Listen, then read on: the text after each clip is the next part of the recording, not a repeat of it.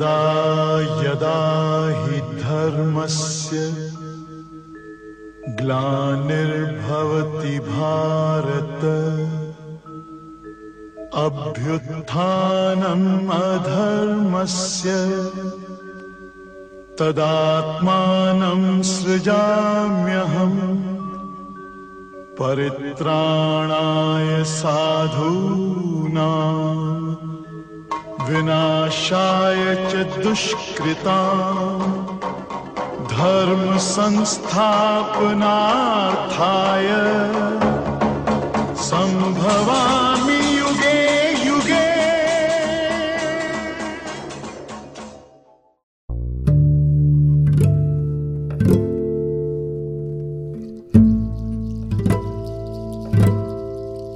Om Swastiastu, Sobat Hindu Times, kembali lagi dalam podcast di episode 38 ini.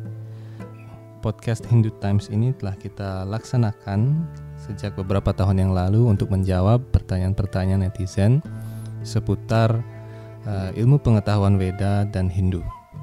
Dalam podcast episode ke-38 ini, kita akan membahas beberapa pertanyaan mengenai uh, bumi dan kehidupan manusia serta tujuan dari hidup manusia. Untuk itu, mari kita uh, sambut bersama-sama Sri Sriman Ida Vaisnawa Pandita Damodar Pandita atau Srila Guru Pandita. Om Swastiastu Srila Guru Pandita. Om Swastiastu. Baik, eh, kita kembali lagi dalam acara podcast episode ke-38 Guru Pandita. Baik, eh, pertanyaan eh, satu pertanyaan yang sangat unik dari salah satu netizen kita adalah mengenai tentang eh, planet bumi. Mengapa planet bumi ini eh, spesial? Jadi apa yang spesial dari planet bumi ini sehingga planet bumi ini eh, menjadi tempat dari manusia dan unsur-unsur material yang lainnya. Dan apa tujuan Tuhan untuk menciptakan manusia? Demikian Guru Pandita. Baik, baik. Jadi saya menjawab secara sederhana supaya dapat dipahami ya. Yang penting bagi pendengar itu meyakini dulu bahwa apa yang kami sampaikan ini berdasarkan uh, pengetahuan-pengetahuan Weda itu sendiri dan apa yang saya telah pelajari, telah baca begitu. Jadi kalau mengapa bumi ini menjadi satu yang khusus? Karena pertama di bumi ini diciptakannya manusia. Terus yang kedua dengan badan manusia ini atma-atma itu bisa mencapai alam rohani. Jadi dengan badan manusia inilah atma-atma itu bisa mencapai alam rohani kapan saja. Jadi bumi ini memang dikhususkan, diciptakan untuk manusia agar bisa berlatih untuk kapan saja mau mencapai alam rohani. Alam di mana eh, tempat kita yang kekal yang sesungguhnya di sana di alam rohani di luar daripada alam material ini. Seperti dalam buat kita kan dikatakan Abrahma Buana Loka. Jadi dari tempat Dewa Brahma sampai 14 susun planet itu masuk alam material. Jadi seperti planet surga, tempat-tempat di atas itu kan ada kan istilahnya berbuah suah itu kan. Begitu. Ini dari bumi ini di, dikatakan berbuah suah itu. Di planet ada apa namanya itu bumi begitu. Termasuk istimewa juga bumi ini berbuah suah jadi buah di planet yang paling bawah dari tingkatan tujuh susunan planet ke atas dari bumi ini ini yang paling bawah pertengahan buah suah itu tempat planet-planet di sekitar Jawat Brahma. Nah, di antara semua planet-planet itu yang paling bawah ini yaitu di tujuh susunan planet yang paling bawah di bumi ini memang tempat salah satu sebenarnya bagian dari surga. Surga untuk manusia.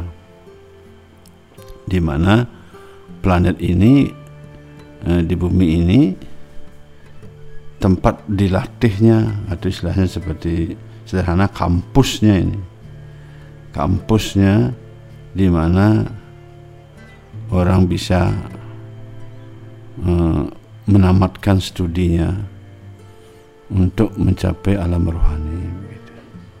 Sedangkan kalau planet yang lebih tinggi seperti buah suah itu hanyalah tempat peristirahatan saja.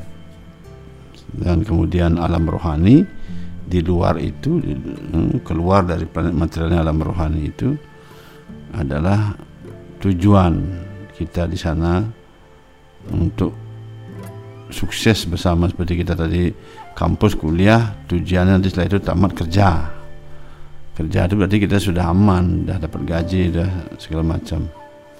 Tapi kalau seperti kita ini sekarang yang bumi sebagai kampus kemudian surga tempat istirahat dan ketika istirahat kita kembali lagi ke kampus ketika tamat kita studi di kampus kita mencari kerja dapat kerja. Nah itu juga setelah kalau kita berhasil di bumi ini sukses berarti kita akan mencapai tujuan kita yaitu tempat tinggal yang kekal di alam rohani jarang sekali orang berpikir kuliah itu tidak untuk bekerja kan itu ya tapi sebelum itu dia harus sarjana kan Demikian juga kita sekarang di bumi ini sebenarnya tujuannya adalah kalau sudah bekerja seperti tadi itu tidak mikir apa lagi, oh saya sudah sukses, sudah dapat gaji. Tidak mikir lagi, oh saya ngulang kuliah, tidak begitu lagi. Ya. Demikian juga kalau seandainya kita mencapai alam rohani, tempat kekal itu, kita sudah sudah sukses, sudah tidak memikirkan apa lagi. Apalagi untuk berpikir kembali lagi ke bumi ini tidak mungkin. Karena tempat kekal yang paling utama seperti di bawah kita jelaskan begitu. Nah, jadi alam rohani itu banyak macamnya di sana, jadi terbagi di berbagai planet, begitu. Banyak lapisannya, banyak macam. Tapi semua rohani, tempat kekal menyenangkan. Semua ditempati oleh Tuhan sendiri. Jadi Tuhan di sana satu lebih banyak, begitu berekspansi. Nah, itu demikian juga ketika beliau berawatara juga ke bumi ini kan begitu, satu banyak. Nah, karena itu seperti kata tadi itu planet bumi ini memang khusus memang untuk sehingga kita dilatih di sini sebenarnya paling sebenarnya paling istimewa dibandingkan yang lain kalau kita di planet-planet buah suah itu tidak terlatih seperti di bumi jadi kan di sana mandak men, hanya menikmati istirahat setelah itu kembali lagi ke sini ke bumi nah ketika kita mendapat badan manusia inilah puncak perjalanan dari semua badan yang kita dapatkan sesuai dengan karmanya. Karena itu berhati-hati dalam segala tindak tanduk kita, tingkah laku kita. Ketika kita menjadi manusia, dimohonkan supaya berhati-hati supaya dengan badan manusia ini kita bisa berbakti kepada Tuhan ataupun kita menjadi hamba Tuhan atau penyembah Tuhan apa pun caranya keyakinannya begitu yang pasti dia menjalaninya aturan seperti itu dan akhirnya dengan pada manusia itu dia akhirnya bisa mencapai alam rohani. Jadi dengan mencapai alam rohani itu manusia inilah sebenarnya. Tidak badan dewa tidak berbadan yang lain seperti binatang, pohon dan segala macam pada manusia. Dan kalau dewa itu para dewa-dewa yang khusus itu memang dipaket. Mereka dipaket pada akhir zaman naik ke planet rohani yang sudah ditentukan. Tidak seperti manusia yang bebas menentukan planet yang mana kita suka. Eh, kemudian eh, kapan saja kita eh, dalam kehidupan ini diberi kesempatan yang besar jadi planet mana yang suka itu artinya kita memilihnya sesuai dengan keyakinan kepercayaan agama dan sebagainya Nah itulah istimewanya ya. Jadi kalau kenapa bumi ini menjadi tempat yang khusus dan manusia itu menjadi suatu yang khusus juga karena dengan badan manusia saja uh, diberi kesempatan untuk mencapai alam rohani. Dengan kalau badan dewa tidak bisa karena badan dewa hanya kenikmatan saja di sana. Seperti orang istirahat lah, bagaimana orang mau istirahat. Itu misalnya kita pulang ke kuliah penat gitu kita kayak di asrama itu mungkin ada di tempat kos kita kita istirahat santai kan begitu atau mungkin kita di nyewa tempat khusus bisa relax seperti itu jadi kalau bumi ini tidak bisa begitu bumi ini tidak diberikan kita untuk relax bumi ini harus menjalani dengan paksa apa yang harus kita ikuti dan kita memilih jalan-jalan yang harus ditentukan seperti tadi itu untuk mencapai alam rohani Tuhan dengan badan kita sebagai manusia ini demikian Eh, Jadi apa sesungguhnya tujuan kelahiran menjadi manusia? Kalau tujuan kelahiran menjadi manusia ini yang kadang-kadang tidak dipahami dengan baik oleh kita semua akibat hayalan yang diberikan oleh Triguna tiga sifat alam itu. Nah kalau kita memahaminya dengan baik tujuan kita menjadi manusia ini adalah sebenarnya adalah alat untuk kita mencapai moksah itu alam rohani. Itu tujuannya pada manusia tidak ada tujuan yang lain. Katanya tujuan kita harus uh, mencari uang, bisnis, ada tujuan kita menjadi brahmana, ada bilang wesya, sudra, ada bilang jadi brahmacari, grasta, atau tujuan kita mendapat menjadi orang kaya segala macam, atau menjadi hidup berumah tangga. Bukan, bukan itu tujuan. Karena semua yang disebutkan itu adalah tidak akan kita bawa nanti ketika meninggalkan dunia. Apa yang kita sebutkan itu tidak ada yang kekal semua kan? Jadi ternyata badan manusia ini harus dipersiapkan dengan baik, dijadikan alat dengan baik untuk mendapat bekal ke dunia rohani. Karena itu kita disuruh beragama atau berkeyakinan atau berkepercayaan. Gitu. Kita disuruh menekuni itu sekarang sesuai dengan pilihan kita.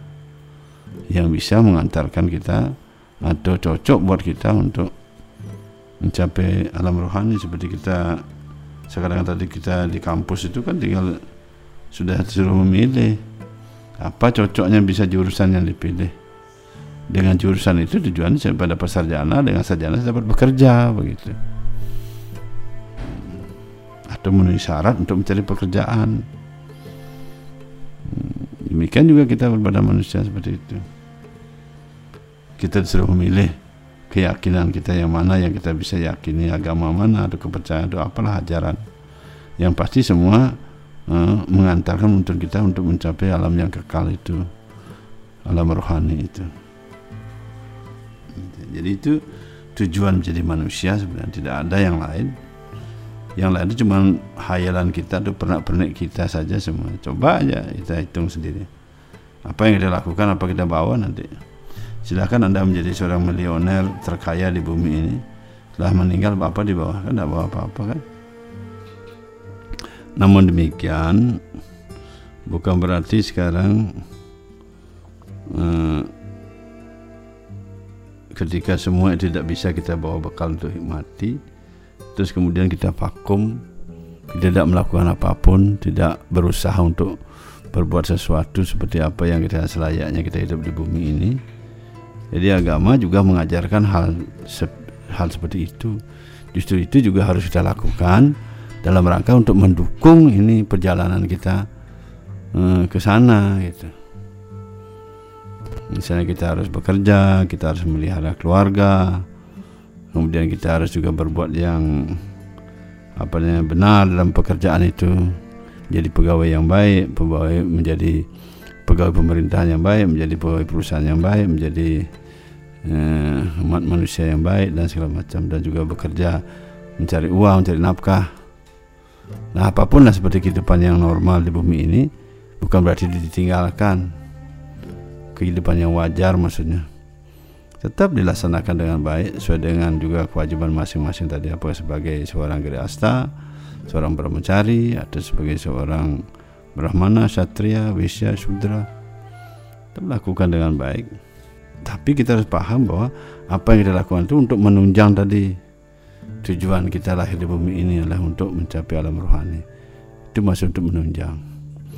Jadi berarti dalam hal ini kan ada kerjasama kan? Ada istilahnya jalan dunia di jalan rohani gitu ya. dengan istilah uh, niwarti marga dan prawarti marga kamu gitu jadi dengan demikian itu saling bergandengan. Jadi yang satu kita lakukan untuk mendukung yang tujuan yang tertinggi itu. bukan yang tertinggi saja dilaksanakan yang di, di yang bawahan tujuan pekerjaan bawahan tidak dilakukan atau sebaliknya hanya pekerjaan bawahan dilakukan yang yang lebih tinggi tidak dilaksanakan. Jadi semuanya harus di, dilaksanakan dengan ber, bersinergi di sana. Bekerja sama sehingga uh, kehidupan ini nampak sangat serasi harmonis dan pada yang sama dia nanti pada akhirnya mencapai alam Tuhan ketika meninggalkan badan ini. Maka ada istilahnya moksartam jagat ita ya dharma kan begitu kita lakukan kewajiban di bumi dengan baik dengan tujuan untuk mencapai moksah itu. Ternyata yang dibawa iman kita yang kita pegang kepada Tuhan dan bagaimana mewujudkan iman itu dalam keseharian kita agar kita bisa berbuat sesuai dengan kehendak Tuhan. Kan itu dijelaskan dalam kitab suci dan disampaikan oleh orang-orang suci kan begitu? Beragama bukan berarti beragama beragama tapi meyakini yang maha kuasa itu. Dan mengikuti apa menjadi petunjuknya dengan baik. Dan dengan mengikuti petunjuknya bagaimana kita bisa lurus eh, jangan terganggu oleh apa hal-hal yang di luar itu. Hmm, apa pun terjadi di luar kita berjalan sesuai dengan realnya masing-masing. Sehingga kita mencapai sukses dalam hidup menjadi manusia ini. Ketika meninggalkan dunia kita bawalah itu serada yang kita bawa dan pengabdian ataupun pelayanan kita pada Tuhan apa pun bentuknya apa bakti apa jenana kan gitu dan lain sebagainya kan Ya, Guru Pandita, uh, tujuan dari uh, hidup kita, jadi menurut kitab suci Weda itu adalah moksa demikian. Nah, kalau begitu, mengapa Tuhan ini menciptakan alam material ini dan mengapa beliau tidak memindahkan saja semua makhluk hidup ini ke alam rohani?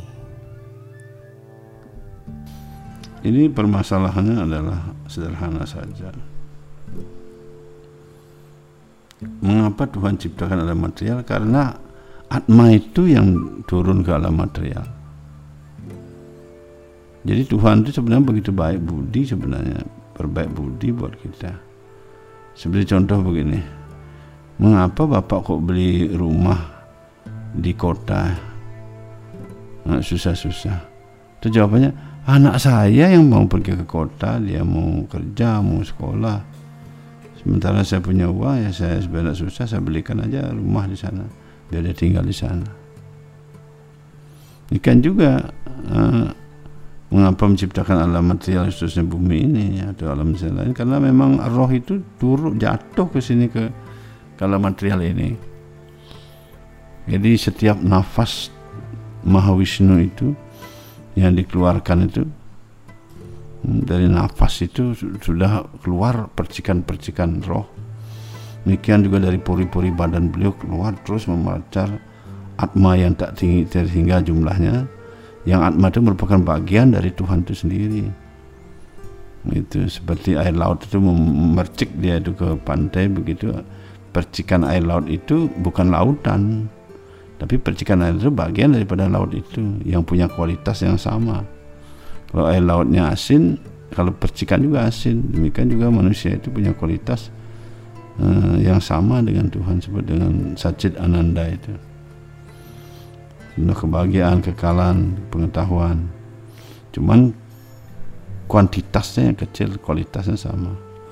Nah itu yang terus memancar keluar dari badan beliau ketika beliau berawatara sebagai Mahawisnu dan memenuhi alam semesta terus setiap hari keluar ada seperti seperti ombak itu setiap hari memercik ke pantai demikian juga badan dari badan beliau terus tak terhingga atma itu roh itu sehingga Tuhan harus berbaik budi untuk menciptakan alam material itu tempat mereka.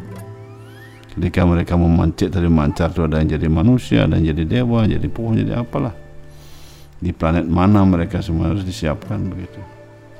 Nah dari itulah berputar akhirnya kan di mana mereka harus ditarik kembali ke dunia rohani melalui proses yang diajarkan.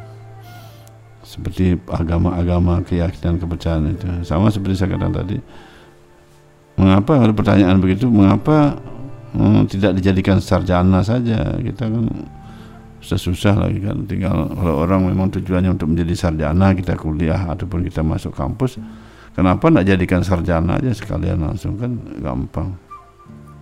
Nah jawabannya kalau sekarang baru kuliah terus diberikan sarjana langsung terus ilmu apa yang dia miliki dengan kesarjanaannya?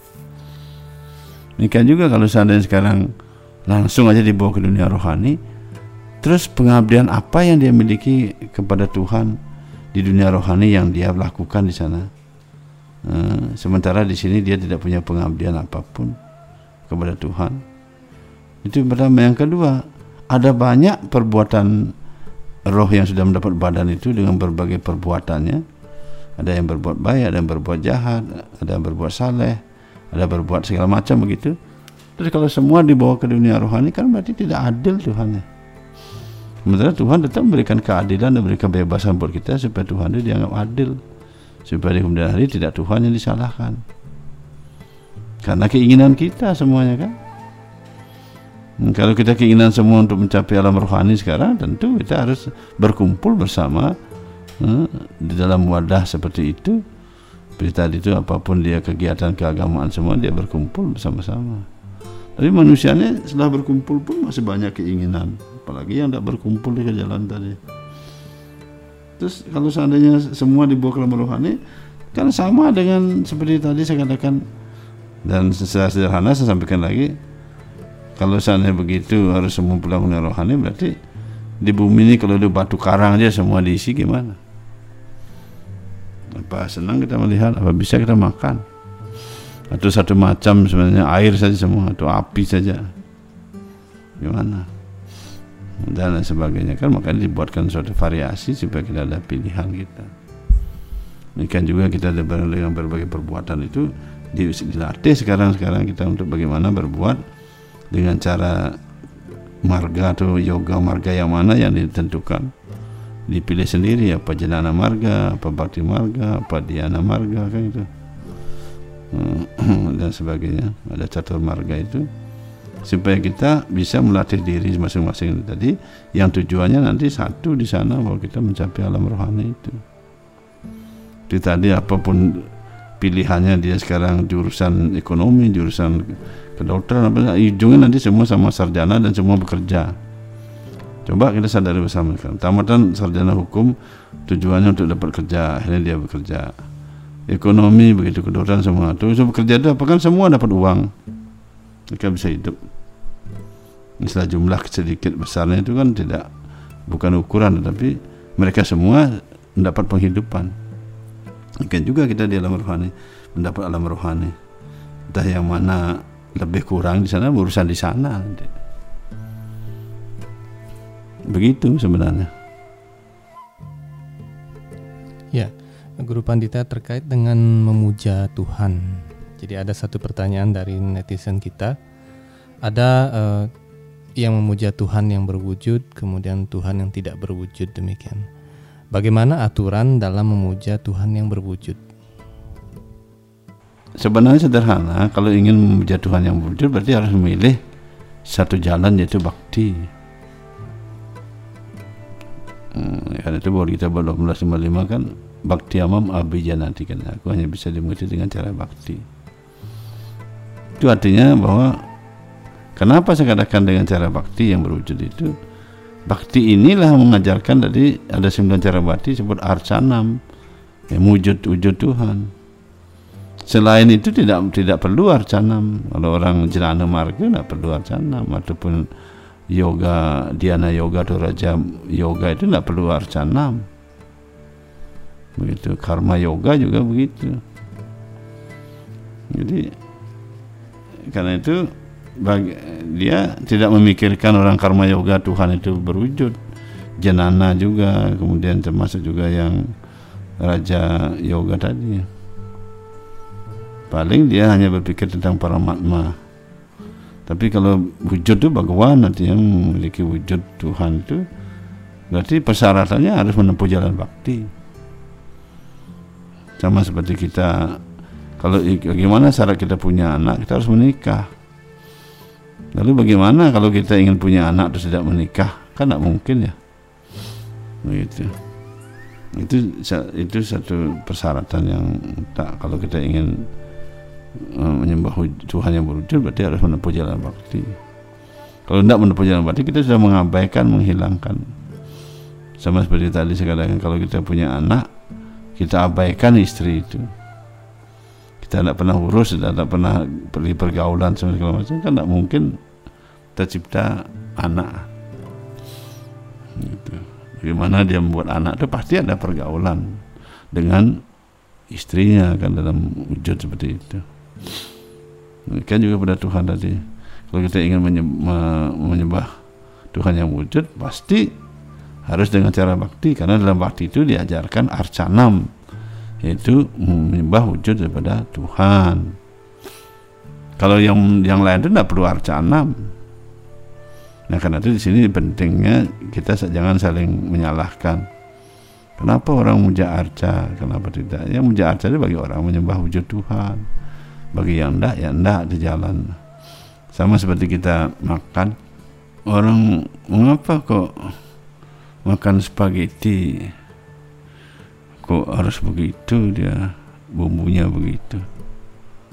Ya kalau memang spaghetti ya bumbunya harus seperti itu. Jangan melirik bumbu lawar. Lawar campur spaghetti gimana kan? Ya lawar bagaimana rasa lawar? Ya seperti itu. Bagaimana rasa spaghetti makanan Italia? Ya seperti itu.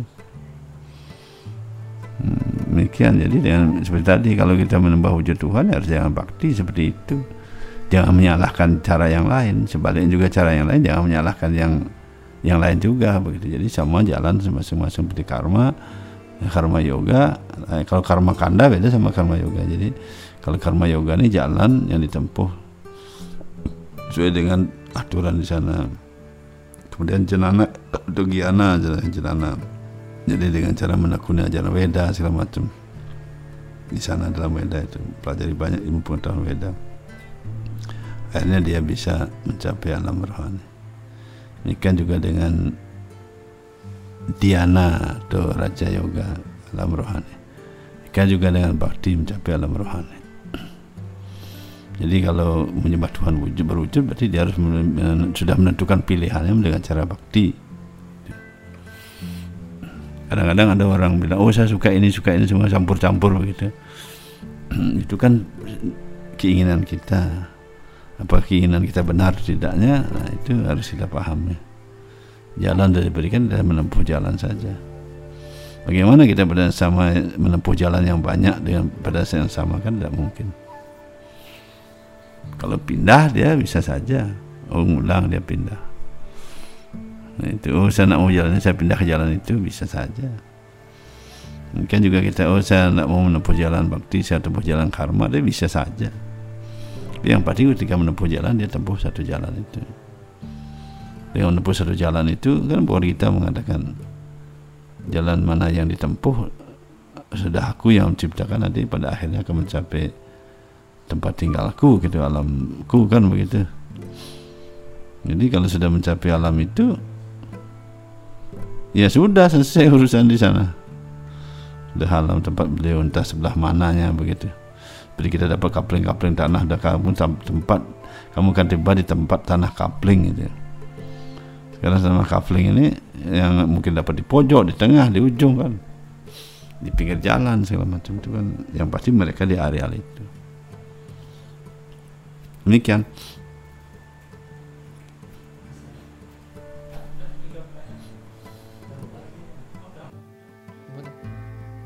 Baik, terima kasih Guru Pandita atas jawaban-jawaban dari pertanyaan ini dan semoga apa yang disampaikan oleh Guru Pandita tadi dapat memberikan wawasan kesadaran yang lebih kepada kita semua akan hakikat kehidupan kita sebagai manusia. Baik Sobat Hindu Times, apabila Sobat Hindu Times ada pertanyaan mengenai Hindu atau pengetahuan Weda, silahkan uh, chat kami di kolom komentar atau direct message kami di Instagram hindutimes.id. Baik, kita akhiri podcast episode 38 ini dengan Paramasanti. Om Santi Santi Santi Om